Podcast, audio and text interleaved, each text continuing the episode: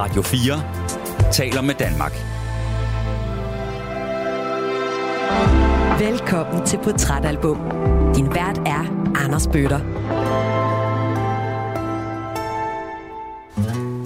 Rigtig hjertelig velkommen tilbage til Portrætalbum, hvor ugens gæst er kaptajn, eventyr og forfatter Emil Eriksen. Lige nu der lytter du til del 2 af ugens udsendelse.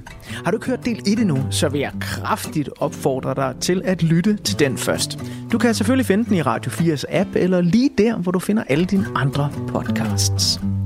Emil han har valgt den amerikanske singer-songwriter Jack Johnsons tredje album In Between Dreams som det album, der skal være med til at tegne et portræt af ham.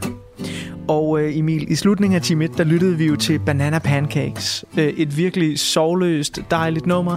Det regner, måske kan vi bare lade lidt som om det er weekend, have det fedt. Det er et af de numre, som du pegede på, som sagde, ah, den må vi gerne høre, den der. Hvorfor er den vigtig for dig? Jamen altså, det er jo... Altså, det er jo så laid back, som det overhovedet kan blive. Yeah. Ikke også? Altså, det er jo øh, nyd livet, alt er godt, øh, ikke bekymre dig så meget, det regner, det er lige meget. Vi laver bare bananpandekager og synes, det hele er skønt. Øh, det er i virkeligheden øh, nok et nummer, jeg, øh, jeg også lytter til og håber på selv at blive bedre til at efterstræbe ja. en gang imellem. Øh, jeg er ikke så god til det her med bare at have sådan en helt søndag i seng. Nej. Altså, hvor bare sidder og ser serier og spiser lidt pandekager og sådan noget. Altså, jeg, jeg har simpelthen for restløst til Altså, eller der skal ske noget. Jeg får lynhurtigt dårligt som videre, fordi jeg tænker, jamen, jeg kunne jo også udrette noget. Jeg kan jo ikke bare ligge her hele dagen og, og, og fede den, vel? Altså, øh, så, så der, er nok, øh, der er nok lidt af den der surfer-vibe der, jeg stadigvæk har til gode helt at adoptere i ja. mit eget sind. Can't you see that it's just raining? There ain't no need to go outside. Ain't no need, ain't no need. Rain all day and I really, really, really don't mind. Can't you see, can't you see?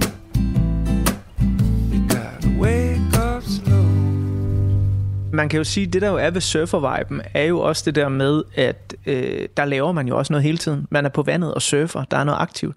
Men mindre det så er, er dårligt vejr, ikke? Øh, så, så kan det være øh, svært at gøre det. Jeg er nysgerrig på, øh, i del 1 af, af ugens udsendelse, der sagde du jo sådan, jamen, nogle af de her Jack Johnson-numre, dengang du var 15 og øh, faldt for pladen her, fordi det var det, de ældre surfer dudes, de spillede i deres bar, der øh, du var i Indonesien med Nordkaberen, din øh, bedstefars sejlskib, Troels Kløvedal sejlskib. Øhm, dengang, der, der lyttede du meget sådan til stemninger, til vibes, til netop det her laid back, og måske ikke sådan helt så meget øh, til teksten. Det er kommet senere, øh, og der er rigtig gode tekster på det album også. Men sådan Banana Pancakes, er det mest et udtryk for Emil 15 år, eller Emil 33 år? 100 procent. Jeg vil slet ikke kunne lave en analyse af den sang. Nej. Altså, fordi det, det, det, der er sjovt med lige præcis det her album, det er, jeg har hørt det så meget, at nu, nu hvor jeg vidste, at vi skulle til at, at, at sidde og snakke om det her, så, så lyttede jeg til det i bilen på vej hjem fra et foredrag forleden. Og, øhm, og det, der sker, når jeg hører det, det er, at jeg, jeg bliver taget tilbage til nogle minder og nogle følelser, og så, så stopper jeg med at lytte til teksten, selvom jeg egentlig har sat mig for, nu skal jeg faktisk prøve at høre, hvad det er, han synger så, så kan jeg faktisk næsten ikke høre det på den måde. Øh, ikke lige det her album, det kan jeg med nogle af de senere, men det her album, det er bare, det er bare en følelse, ja. meget mere end det er en, øh, kan vide, hvad han egentlig mener med den her sang.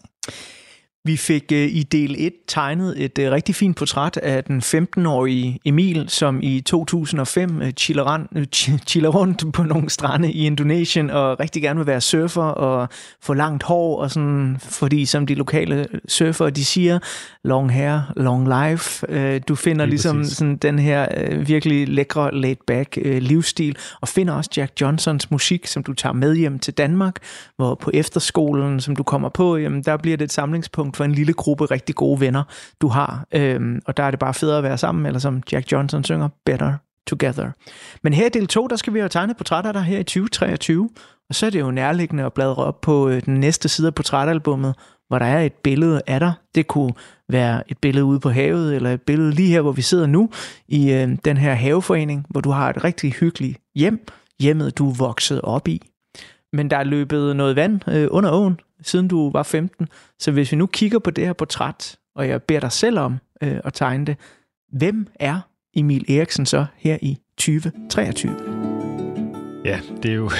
jeg ville ønske, jeg kunne, øh, jeg kunne svare dig 100 procent. Øh, det, er jo, øh, det kan jo være svært at sætte ord på. Jeg er jo, hvis man bare kigger på det udefra, så er jeg jo blevet 33. Jeg er blevet gift med, med Louise. Vi har to små drenge på 1 og 4.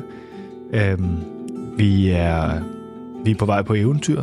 Ja. Vi skal ud og sejle igen, og vi skal ud og sejle som vores lille familie, og det, det begynder vi at forberede. Når vi er færdige her, så tager jeg ud på, på vores båd og, øh, og begynder at gå og skrue lidt på den inden aftens foredrag. Og, øh, og det er det, der fylder meget lige nu. Øh, jeg, er, jeg er også et sted, hvor jeg, hvor jeg har brugt nogle år på ligesom at finde ud af, om jeg er, sådan er på rette kurs i mit eget liv. Øh, og synes nu egentlig, at jeg, jeg begynder sådan så småt at lande. Øh, det er som om, at det, det er næsten syv år siden, vi kom hjem fra vores jordomsejling nu, men alligevel så, så har jeg faktisk kunne bruge mere end det der år, jeg selv sagde lige før, en tredjedel af rejsens længde, til at lande den her. Og, og det er først med, med den seneste bog, som, som jeg har skrevet sammen med øh, et skrivekollektiv, at, at jeg egentlig synes, at, at jeg begynder at have formuleret, hvad der er sket inden i mig, og hvem jeg er i dag. Øh, og den, jeg er i dag, er... Øh, ja, hvem fanden er han? Det er egentlig, det er egentlig et godt spørgsmål, Anders. Ja, ikke? Og irriterende at skulle prøve at svare på, ikke? Altså, fordi... Men jeg kan jo også mm. måske spørge, inden for de seneste par år, hvad har der været af tvivl? Der har der været enormt meget tvivl omkring balancegangen mellem familiefar og ham, som også gerne vil tage på eventyr. Og at finde balancen i det, det har været min store udfordring. Jeg har øh, egentlig været skruk, siden jeg var øh, stor teenager, 19-20 år gammel, og har glædet mig til at få børn. Og nu har jeg de her børn, og så har jeg bare måttet sande ved at kigge tilbage på de første år af vores første søns liv, at jeg ikke altid var den far, jeg, jeg i virkeligheden gerne ville være. Hvordan? Øh, jeg, jeg havde svært ved at, at finde balancegangen i prioriteringer mellem familieliv og min, eget, min egne eventyr. Øh, og troede i, i en periode, at jeg skulle ligge sig jorden rundt med en stor kapsalas, og skulle ligesom finde ud af, jamen, hvem er jeg, og, og når jeg ikke længere 100% kan tage på eventyr, men det skal kombineres, og hvordan kan det kombineres? Fordi jeg, havde, jeg har sådan en... Øh, hvis man kigger på, bare på generationer tilbage på øh, eventyrene, så er det fantastiske eventyr som Jacques Cousteau, og det Roald Amundsen, og det, altså det store folk, som virkelig har lykkes med nogle sindssyge eventyr. Men de har også alle sammen været enormt kompromilløse i deres måde at gøre det på og øh, mange af dem har forliste ægteskaber og børn, der måske ikke har set dem nok i perioder. Og den del af det, synes jeg ikke var særlig beundringsværdig. Så det at skulle prøve at få det ind i en nutid, hvor at vi som mænd har fået øremærket barsel, og jeg har en forventning til mig selv om at skulle være lige så meget far som i, for mine børn, som min kone og mor for dem. Hvordan kan det kombineres med stadigvæk at have lysten til at skulle ud og opleve noget vildt? Det her skulle bruge noget tid på at, og ligesom at lande. Og nu synes jeg for første gang faktisk det sidste år her, det begyndte at lande på mig. Det er jeg virkelig øh, glad for på dine vegne. Uh, og det kunne jeg godt tænke mig at dykke lidt mere ned i uh, efter det næste nummer, fordi jeg kunne godt tænke mig at, at høre lidt om, hvad du så fik ud af at skrive uh, din nye bog, eller være med til at skrive den, at vende sig mod havet. Men uh, vi skal også huske musikken, og øh, derfor så skal vi øh, have et smukt lille nummer fra øh, In Between Dreams, som jo er det album, du har valgt til at tegne et portræt af dig. Et album, der har fulgt dig siden du var 15, hvor du allerede var i gang med et uh, stort livseventyr. Men fra Jack Johnsons tredje album, der er det her nummer Situations. Situation number one, it's the one that's just begun, but evidently it's too Situation number two, it's the only chance for you, it's controlled by denizens of hate. Situation number three, it's the one that no one sees. It's all too often dismissed as fate. The situation number four, the one that left you wanting more. It, tantalized you with its bait. Det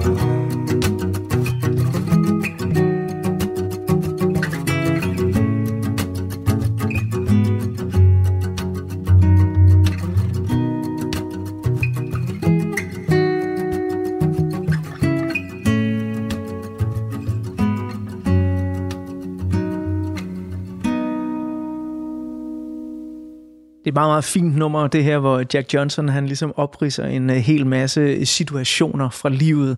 Uh, og det er jo lidt sådan det, vi er i gang med at snakke om lige nu, jamen, hvor er livet på vej hen. Du øh, har netop øh, udgivet en ny bog, At vende sig mod havet, og øh, som jeg læser den, nu har jeg ikke læst selve bogen, men jeg har læst beskrivelsen af den, det er en bog, hvor du udforsker noget, som jeg er sikker på, at rigtig, rigtig mange af os har drømt om at udforske. Jeg har i hvert fald. Øh, det her med, at man får en øh, fast hverdag med nogle sådan forholdsvis firkantede rammer, nogle rutiner, nogle børn osv., og så stiller man sig selv spørgsmålet, findes eventyret stadigvæk derude? Eller er det måske en del af ens liv, der er ved at være overstået, eller vender det tilbage meget senere? Så Emil, uden at du skal spoile hele bogen for dem, der ikke har læst den, hvad er svaret så? Findes eventyret stadigvæk for dig? Ja, det gør det. Øh, og det gør det i allerhøjeste grad, og heldigvis.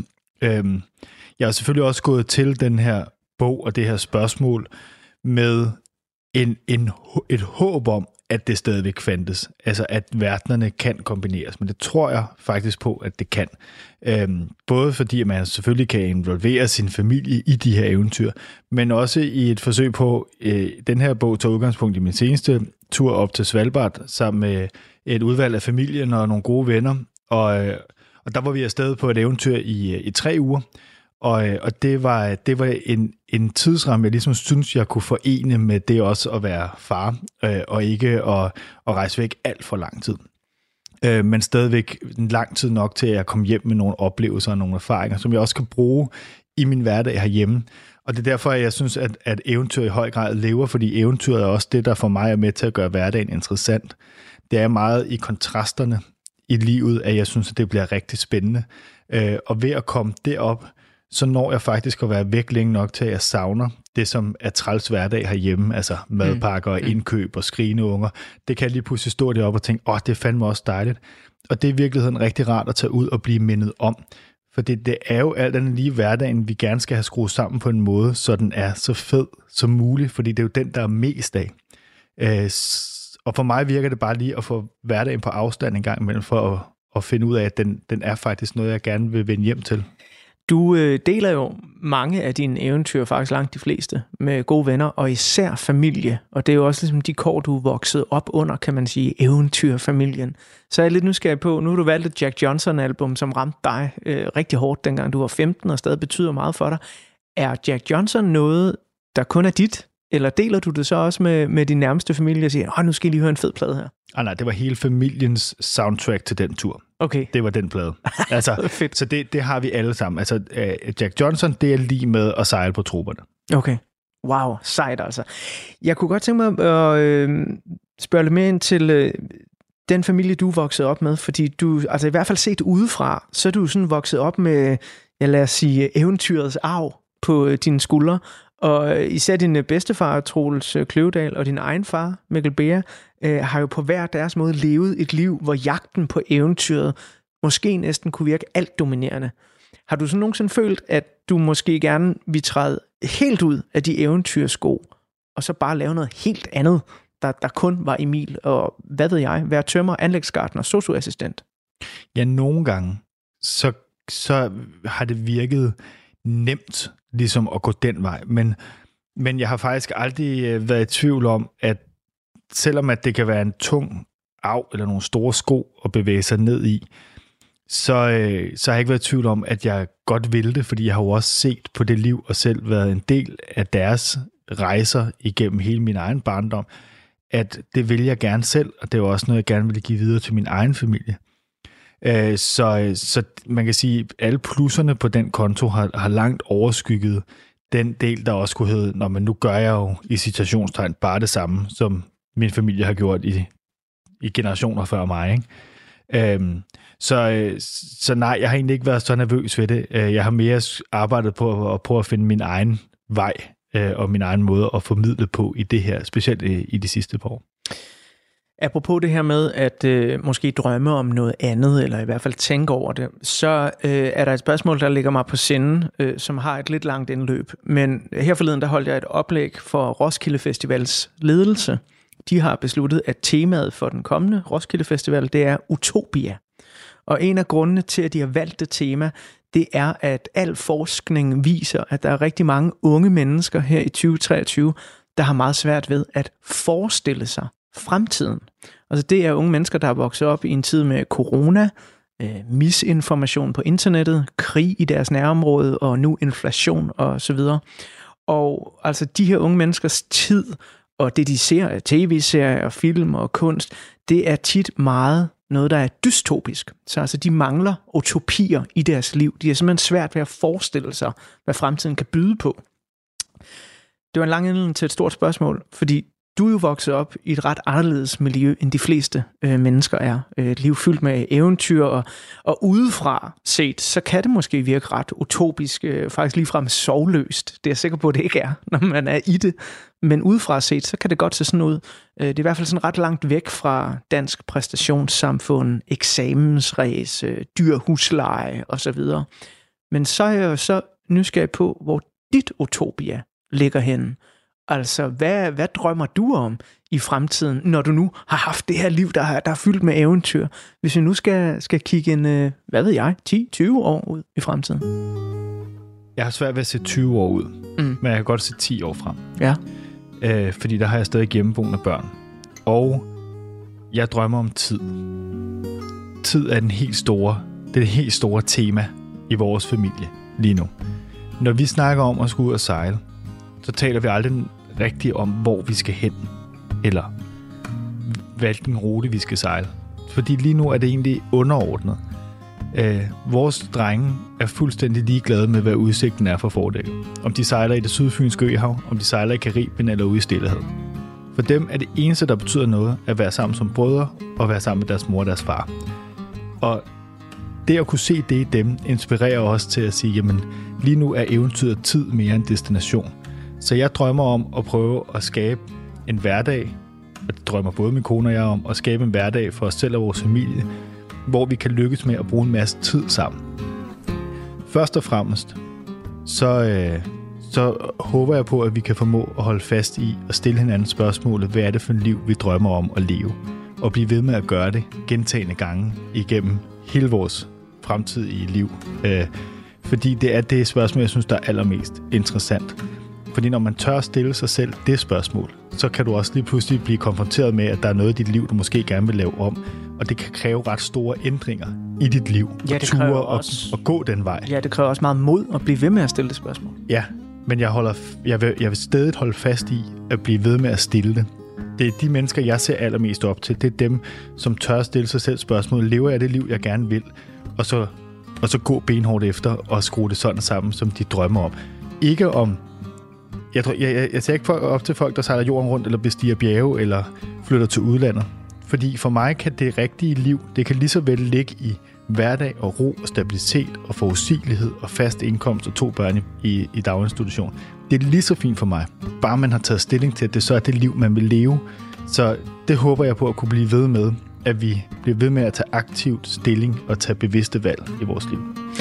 Hvis vi øh, bliver lidt ved øh, de unge, som øh, der har en masse forskellige udfordringer, de, de, de bakser med i dag, så øh, for det første så har jeg sindssygt stor respekt for den generation, der er lige nu, og det er nok den generation af unge mennesker, der har været i den tid, jeg har været her på jorden, som jeg helst vil lytte til. Jeg, jeg vil helst lytte til deres råd, til deres bekymringer, øh, om den her fremtid. Øh, noget af det, der er meget oppe øh, i, i, i deres mindset, det er jo bekymringen for klodens tilstand. Mm. Og derfor er jeg så glad for, at du øh, i den første del af udsendelsen her sagde, jamen, med al den erfaring, du har, 99 procent af klodens befolkning er bare nogle gode mennesker, sådan set. Øh, jo, der sker en masse lort rundt om i verden, men der er gode mennesker derude. Men hvis vi ser sådan lidt på, ja, klodens tilstand, øh, når du har rejst rundt, øh, er du bekymret for verdenshavene? Er du bekymret for klimaet? Ja, for søren. Mega bekymret. Altså, det, øh, det er for mig noget, som jeg vil ønske, at jeg havde den drive, den energi, som den unge generation altså at teenager har nu, hvor de går på gaden, og er, er, fuld af beundring. Jeg synes, det er mega sejt, ja. hvad de gør. Jeg vil ønske, at, at jeg selv havde gjort det som teenager. Der var klimatopmøde i Bella Center i København, da jeg var teenager. Jeg var slet ikke en del af den mobilisering, og det ville jeg drømme om, jeg havde. For mig skulle jeg ud og se en verden i forandring, før at det begyndte at gøre nok indtryk på mig til at også have lyst til at gøre en forskel. Og jeg har desværre set en verden, der Ja, hvad er, er det så for en verden, du har set? Øh, jeg har oplevet øh, skovbranden på Vanuatu og på Borneo, øh, som ikke er unormale, men som bare var større end normalt. Jeg har oplevet øh, ligeledes på Vanuatu øh, øh, følgerne af en kategori 5 orkan, den øh, kraftigste orkan nogensinde til at ramme det land, og set, hvordan at det lagde en hel befolkning ned. Øhm, jeg har oplevet koralrev, der er døde, der er bleachet væk. Øh, oplevet stigende temperaturer og, og voldsomme vejrsystemer på tidspunkter af året, hvor det ikke skulle være. Så jeg har oplevet det på egen krop. Øh, vi har snakket med borgmester på en atoll i Fransk Polynesien, der var bange for, at, at han om 200 år ikke længere havde noget sted at bo, fordi deres atol var halvanden meter høj i gennemsnit. Og vi nændede bare næsten ikke at sige til manden, at vi troede faktisk ikke på, at der ville gå 200 år. Ja. Altså, fordi lige nu der kigger vi ind i, at vandet det stiger med en meter, måske mere end en meter frem mod to, øh, 2100, ikke også? Altså, det er måske ind, det er jo inden for mine børns levetid, at vi skal til at flytte hele nationer væk fra deres lande. Tuvalu i øh, Stillehavet, det er et helt land, der vil forsvinde. Øh, og det kan gøre mig enormt bekymret, både for, hvad det er for en verden, mine børn og jeg selv ser øh, frem i, men i lige så høj grad for, og i højere grad for de mennesker, som for alvor bliver ramt af det. For jeg er også ret bevidst om, at vi i Danmark kommer til at få flere mega regnvåde øh, forårsdage, og vi får tørre sommer, og vi får nok også varmere vintre, men vi skal nok klare den. Der kommer mere vand i kældrene i Roskilde Fjord og i Isefjorden, og det er træls, men vi skal nok klare den. Så øh, er der jo så et spørgsmål, der melder sig, fordi øh, bekymring over klonens tilstand er en ting. Det øh, har jeg også selv, øh, og jeg er, ligesom du, fuld af respekt og beundring for den generation, der netop går på gaden og reagerer. Men bekymringer over så stort et brød, man skal bage for at gøre noget ved det her, kan jo også gøre, at man simpelthen føler sig næsten magtesløs.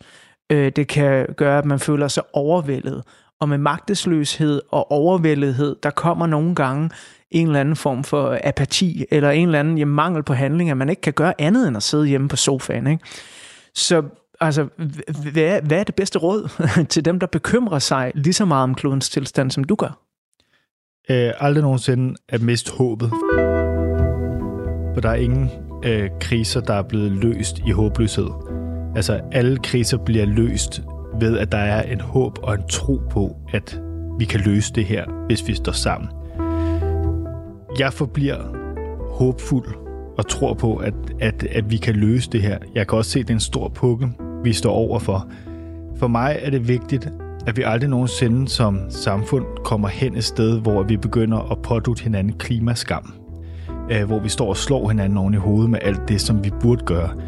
Fordi jeg ved, hvordan jeg selv reagerer, når jeg får forbud. Så bliver jeg en femårig dreng, der siger nej, og du skal ikke bestemme over mig, og så får jeg lyst til at gøre det præcis modsat. Præcis. Ikke også? Og sådan tror jeg faktisk, vi er rigtig mange voksne, der stadigvæk fungerer. Absolut. Så jeg tror egentlig ikke, at vi løser det her med at slå hinanden oven i hovedet. Jeg tror, vi løser det ved at inspirere hinanden til, hvad vi kan gøre. Og så må man kigge ind af og kigge på, hvad er det, jeg føler, jeg kan bidrage med i det her. Så vil der helt sikkert stå nogle teenager, der med rette siger, jamen det er jo ikke nok.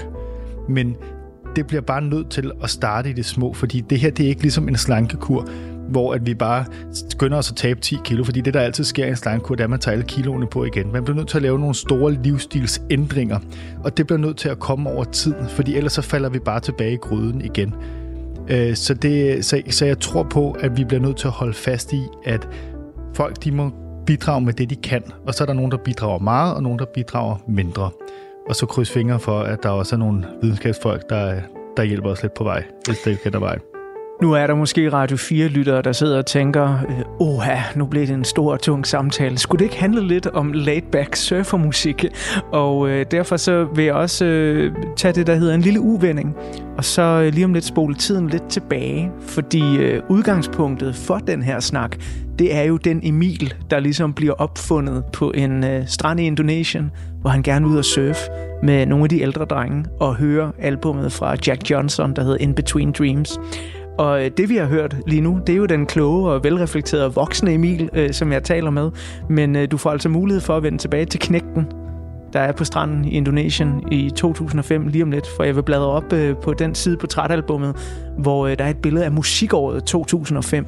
Men øh, inden jeg gør det, Hvis du lige tænker tilbage øh, på den store verden, vi sidder i nu, hvilke dele af Emil, den unge knæk på stranden i Indonesien, er du sådan mest i kontakt med her i 2023? Øhm, der er jeg mest i kontakt med, med ham, der gerne vil finde lidt tilbage til øh, naturen og til roen og til det her laidbackhed, fordi det der jo faktisk er sjovt ud fra, jeg det ikke for at vende tilbage til den snak, vi lige har haft, men det er jo, at der ligger jo en miljøbevidsthed i den her surferkultur, i den her surferbevægelse, og det er virkelig noget af det, jeg gerne vil komme lidt tilbage til, nu med at komme ud og sejle og lige være jamen, lidt mere i, øh, i kontakt med naturen, øh, og dermed også med mig selv, og lige mærke dens, øh, dens rasen, og, og det, det, er også øh, det er den side af den 15-årige Emil, jeg tror, jeg er bedst i kontakt med i dag.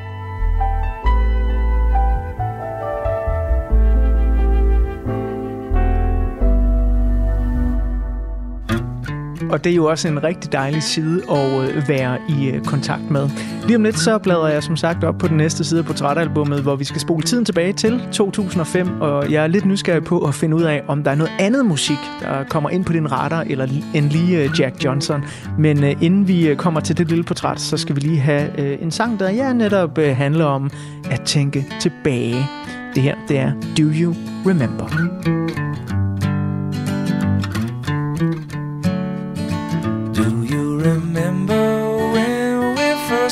I sure do. It was sometime in early September. Well, you were lazy about it, you made me wait around. I was so crazy about you, I didn't mind. So I was late for class, I locked my back to yours. It wasn't hard to find you painted flowers on. Guess that I was afraid that if you rolled away, you might not roll back my direction real soon. Well, I was crazy about you then and now, but the craziest thing of all, over ten years have gone by. And you're still mine, locked in time. Let's rewind. Do you remember when we first moved in together. The piano took up the living room. You play me boogie woogie, I play you love songs. You'd say we're playing house. Now you still say we are.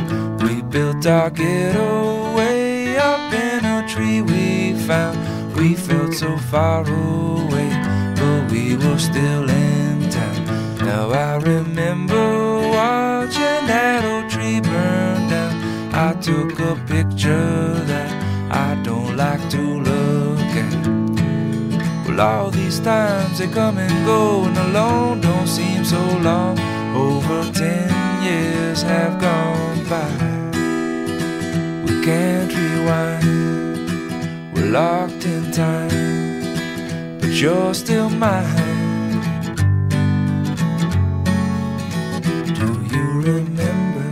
I midten af nullerne er musikscenerne i Europa og USA præget af gamle stjerners fald fra tinderne, nye alternative bølger samt både gode og virkelig irriterende superhits. Michael Jackson får afgjort en del af sin juridiske skæbne, da en amerikansk jury efter syv dages grundige overvejelser vælger at frikende ham for alle de 10 punkter om seksuelle overgreb, som han stod anklaget for.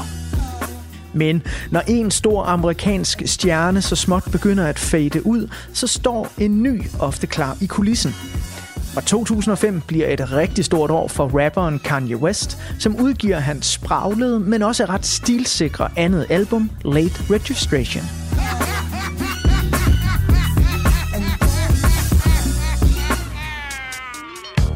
Derudover så bør der nævnes, at navne som LCD Sound System og Animal Collective gør art rock genren mere flydende og dejligt dansabel. Det sker alt imens årets bedst anmeldte albumværker tilhører spændende navne, såsom White Stripes, der udgiver det klaver- og el-gitar-baserede værk Get Behind Me Satan, Sofian Stevens, der brillerer med hovedværket Illinois, og så selvfølgelig Gorillaz, der triumferer med deres andet album Demon Days og hitter stort med nummeret Feel Good Incorporated. Her i Europa, der går vi dog mest op i to nye udgivelser. Engelske Coldplays nye album X and Y, og så verdens mest enerverende, irriterende, internets skraldespands svensker fænomen. Crazy Frog, som hitter stort med nummeret Axel F.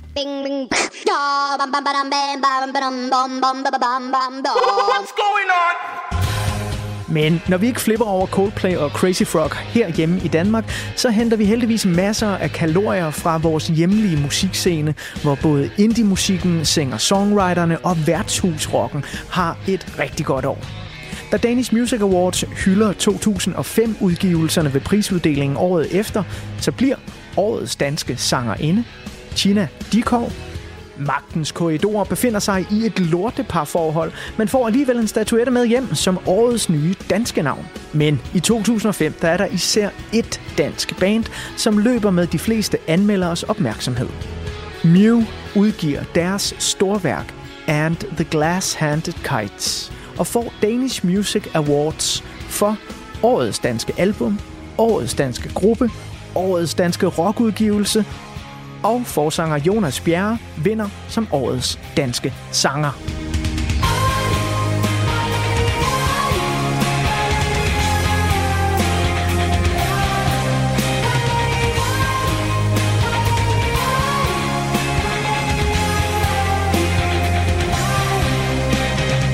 Men det her, det var jo bare en opremsning over den musik, som anmelderne og prisuddelingerne herhjemme elskede allermest i 2005. Så hvordan ser det egentlig ud på de danske hitlister? Jo, her er der helt nye navne på vej. Anna David hitter med nummeret Fuck dig.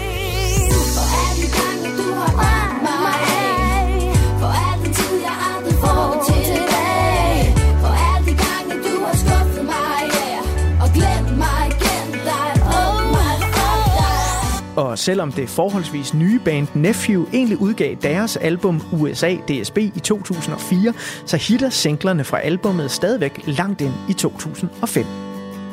Det samme gør sig gældende for Peter Sommer, der udsendte sin debut i 2004, men i 2005 får et ret habilt radiohit med det smukke nummer Tjekker. Og når ja, så er det jo i 2005, at Big Stock røgsystem bringer dancehall og reggae ud til danskerne på en af dansk musikhistories mest overbevisende debutalbums.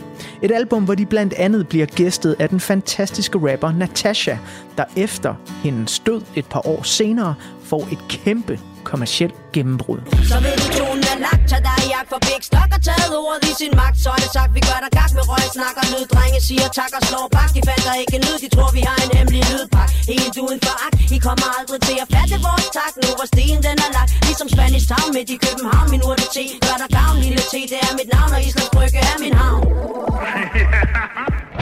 Og til allersidst, men absolut ikke mindst, så er det jo i 2005, at danske Kashmir udsender deres måske mest undervurderede album No Balance Palace, som bliver gæstet af både Lou Reed og selveste David Bowie.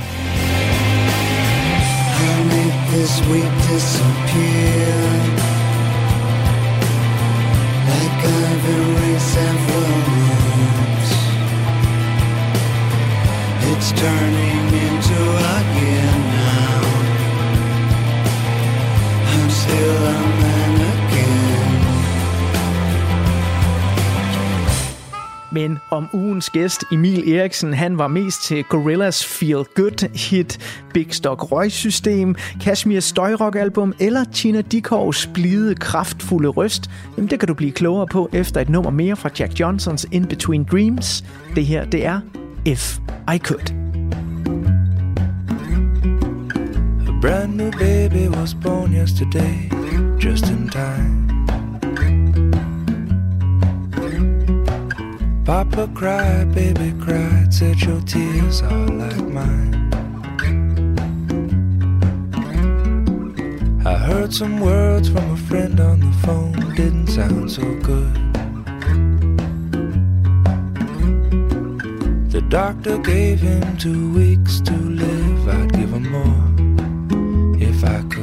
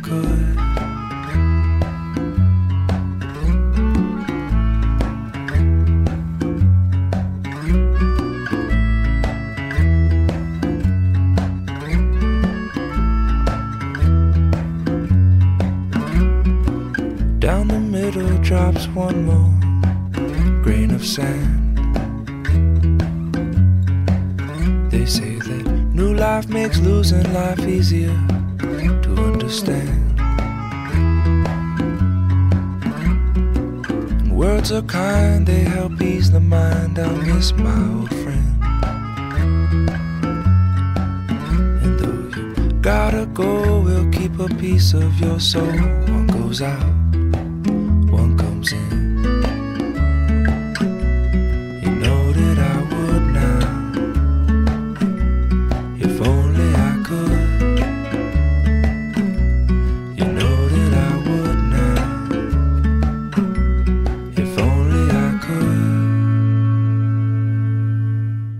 Smukt nummer fra In Between Dreams her, og øh, altså et lille overflyvning af, hvad der sker på musikscenen i 2005.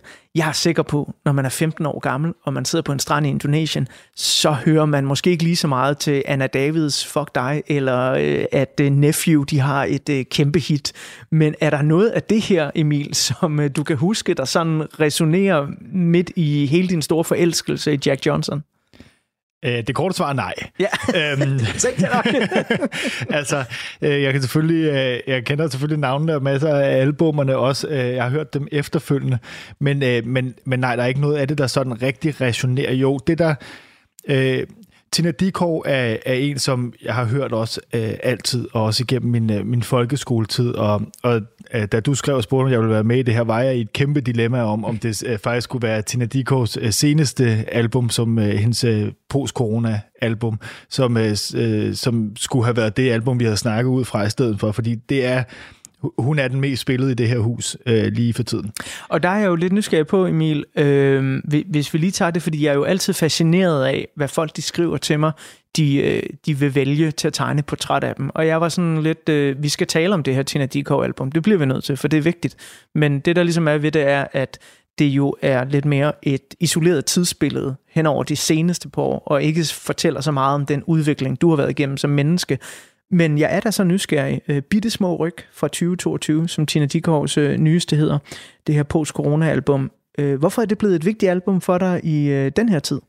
Men det er det fordi, at øh, hun lykkes med at sætte ord på rigtig mange af de følelser, som øh, jeg selv oplevede under corona, og som jeg også tror, at der var mange øh, andre, der oplevede. Altså øh, sætninger som øh, lidt mindre maskine, lidt mere menneske, Øh, det, dyr, øh, det nummer, hun laver sammen med Kjartan fra Folkeklubben, øh, øh, er helt, øh, helt eminent i, i mine ører, og, og sætter ligesom ord på, at vi, øh, vi lærte noget af den her coronapandemi, øh, og at det var for mange af os måske en sund pause midt i al den forfærdelighed, der var, øh, og midt i, i al den økonomi, der ramlede, og mennesker, der, øh, der døde, jamen så var der faktisk også nogle af os, der kom klogere ud på den anden side. Og jeg havde brug for den pause. Ligesom at jeg fornemmer, at Tina Dikov faktisk også havde det, øh, midt i den frygt, der også var forbundet med, med den her pandemi. Øh, og derfor så resonerer det bare i min krop. Øh, og, og hun, øh, hun får bare sat ord på det, jeg ikke selv kunne formulere.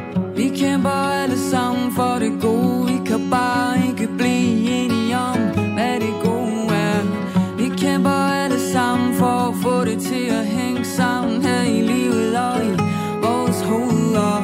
skal have penge nok, opmærksomhed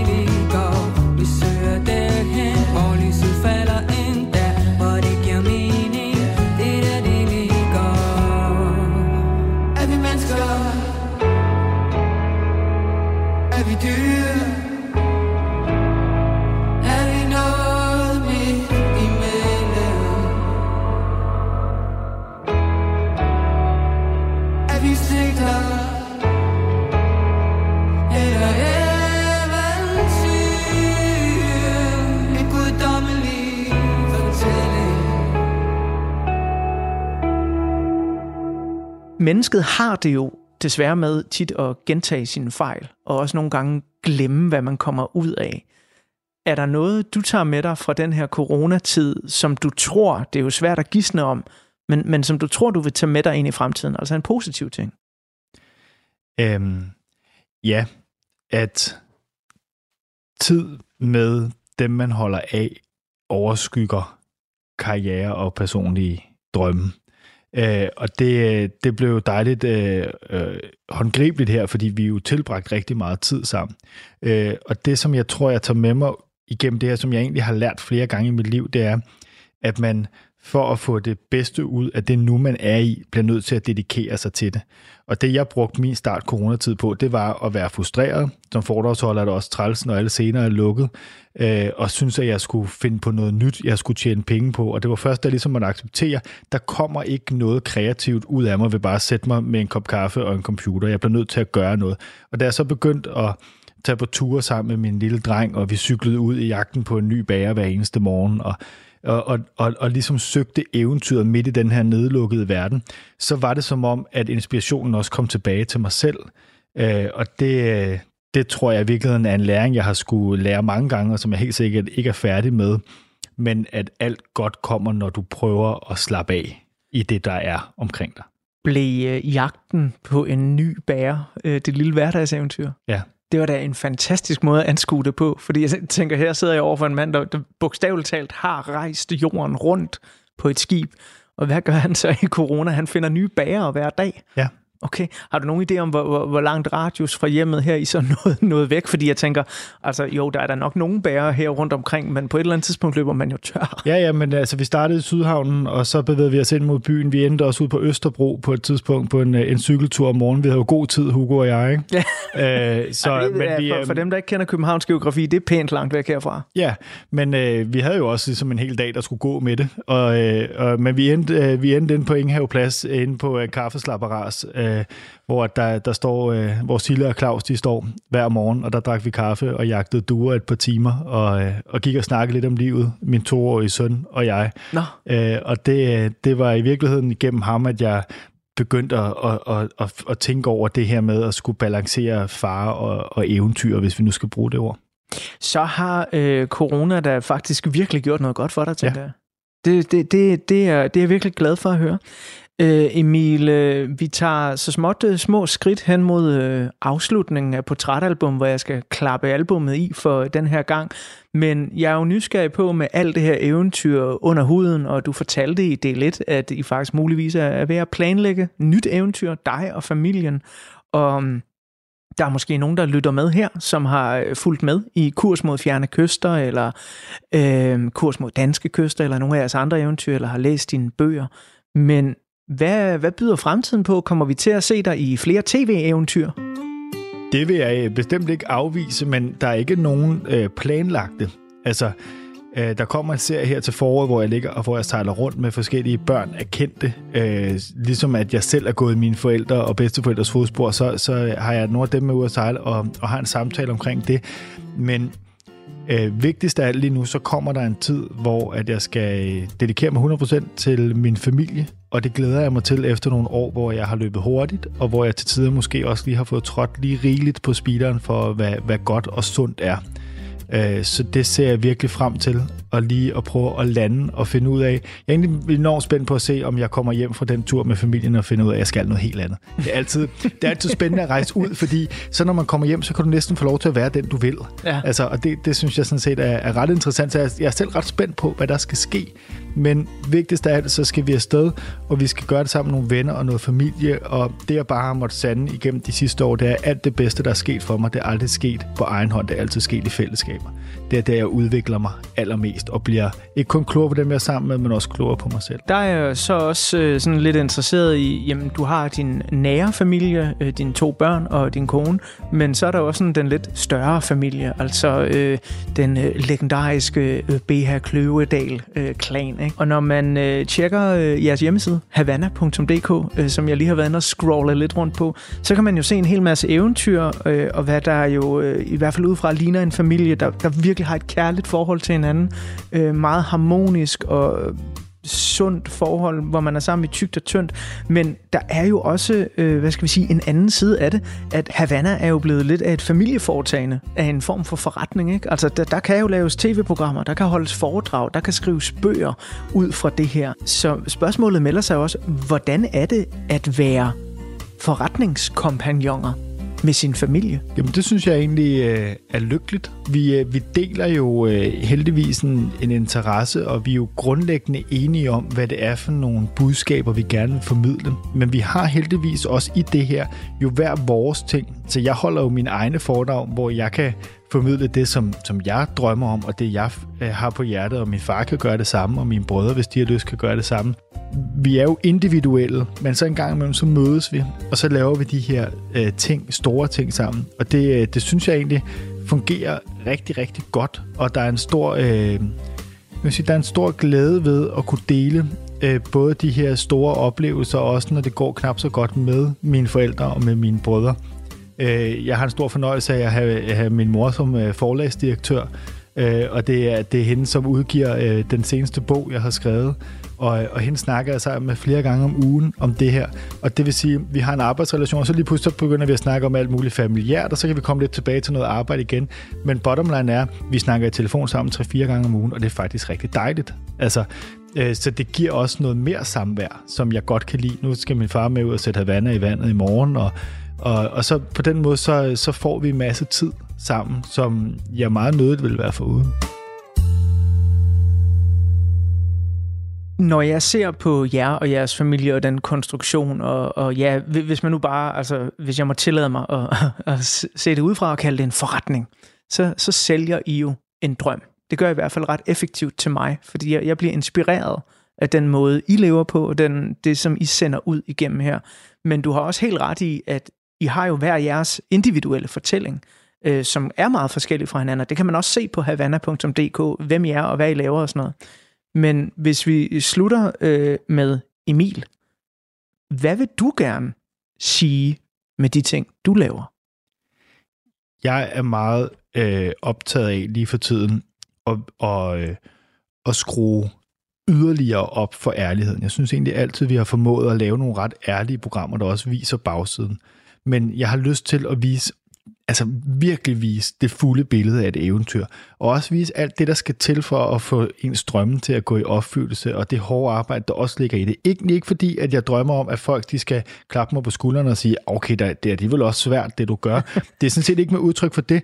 Det er egentlig mere, fordi jeg synes, at vores tid, den, øh, den kræver af os, at vi er ærlige. Altså Tobias Rahim, han har et fantastisk nummer, der hedder Når mænd de græder. Mm. Ikke også? Fordi at det at der er brug for det her lige nu, med at vi tør at vise sårbarhed midt i de her perfekte glansbilleder, vi ser på internettet, midt i uh, unge mennesker, der lider af depressioner og angst, så er det vigtigt, at vi alle sammen viser, at der er altid en bagside af alle medaljer. Og den bagside er det enormt pålæggende for mig at vise nu. Ikke som et negativt skræmmebillede, men bare som det fulde billede. Øh, og derfor så, øh, så udleverer jeg også mig selv mere, end jeg nogensinde har gjort før i både mine bøger og mine foredrag, og også den seneste tv-serie, fordi at det synes jeg at, øh, er vigtigt. Men når man gør det, så, øh, jeg forstår mig ret, risikerer man jo også lidt, at den drøm, som I har levet af at sælge på den ene eller den anden måde, den bliver lidt mere kompliceret, fordi I får jo i jeres programmer eventyret til at se lejende let ud. Og det er nok også derfor, det er så inspirerende. Og jeg tænker nogle gange, at man sådan fjerner en del af, af glansbilledet af det. Så ligger der også en nervøsitet i at træde derud på vippen og stå på kanten og sige, nu, nu skal jeg være ærlig? Der ligger en lille nervøsitet i det, men der ligger først og fremmest, synes jeg, der ligger en, en, en boblende glæde forbundet med det, som, som, som ligger i, at jeg har ikke lyst til, at der skal tegnes et billede af mig som værende perfekt eller uopnåelig. Jeg vil faktisk med det her mere end at sige, at eventyret bliver mere kompliceret, så vil jeg faktisk hellere sige, jeg tror på, at jeg med det her kan være med til at gøre eventyret mere tilgængeligt, fordi at jeg håber på, at jeg også viser nogle mere bare normale menneskelige sider af mig selv, som det er nemmere at spejle sig i, at jeg går også rundt med den tvivl. Jeg går også rundt med, med, med den nervøsitet i mit liv. Jeg er ikke perfekt, og det er, derfor, øh, det er ikke derfor, jeg lykkes med, med at leve det her liv, som jeg gør. Så jeg håber egentlig, at jeg gør eventyret lettere tilgængeligt på den her måde.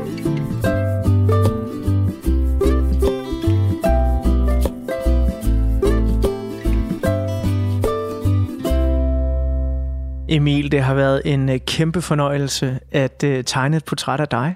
Det har været en kæmpe fornøjelse at tale eventyr med dig. Uh, og uh, misforstå mig ikke, når jeg siger, at du tager glansbilledet væk ved at være mere ærlig, fordi jeg tror egentlig, du fortsat vil inspirere mig til uh, måske bare at lave små ændringer i mit liv, så jeg kommer nærmere på det der uh, eventyr, som jeg nogle gange godt kan savne. Så øh, tak for åbenheden og tak for ærligheden. Jeg har valgt, at øh, portrætalbummet skal slutte med øh, et nummer, der hedder Breakdown. Ja, øh, ej, hvor er jeg glad for, at du vælger det. Ja, ja. okay. Jamen, hvor, hvorfor? Fordi der ligger i det en fantastisk pointe, en lyst til, at toget skal gå i stykker, sådan ja. så at man bliver tvunget til at gå ud og kigge mm. sig omkring. Og jeg, jeg kan bare så godt relatere til det der med, når, når toget bare kører i 110. Det er virkelig lidt det, der sker under corona. Ikke? Helt lortet brænder sammen, og lige pludselig bliver man tvunget til at gå sådan en tur og kigge omkring det, der er lige der, lige inden for din sfære. Mm. Og, øh, og det synes jeg bare er, jeg synes, det er et fantastisk nummer med et, et rigtig, rigtig dejligt budskab. Jeg har vidderligt skrevet i mit manus her, jeg synes, det her nummer er så meget dig, Emil. Uh, og så citeret, I hope this old train breaks down, then I could take a walk around, see what there is to see, time is just a melody. Det er virkelig, virkelig rammende. Så Emil, tak fordi du var med, og held og lykke på de kommende eventyr. Tusind tak, det var en kæmpe fornøjelse, Anders. I hope this old train breaks down. Then I could take a walk around See what there is to see. Time is just a melody With all the people in the street. Walking fast as the feet can take them I just roll through town And though my window's got a view Well, the frame I look through Seems to have no concern for now. So for now I need This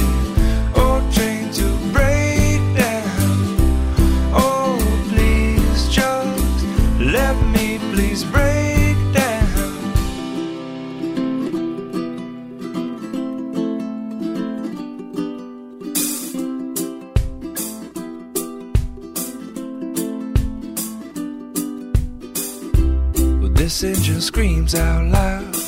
Centipede gonna crawl westbound. So I don't even make a sound. Cause it's gonna sting me when I leave this town. And all the people in the street that I'll never get to meet. These tracks don't bend somehow. And I got no time that I got to get to where I don't need to be.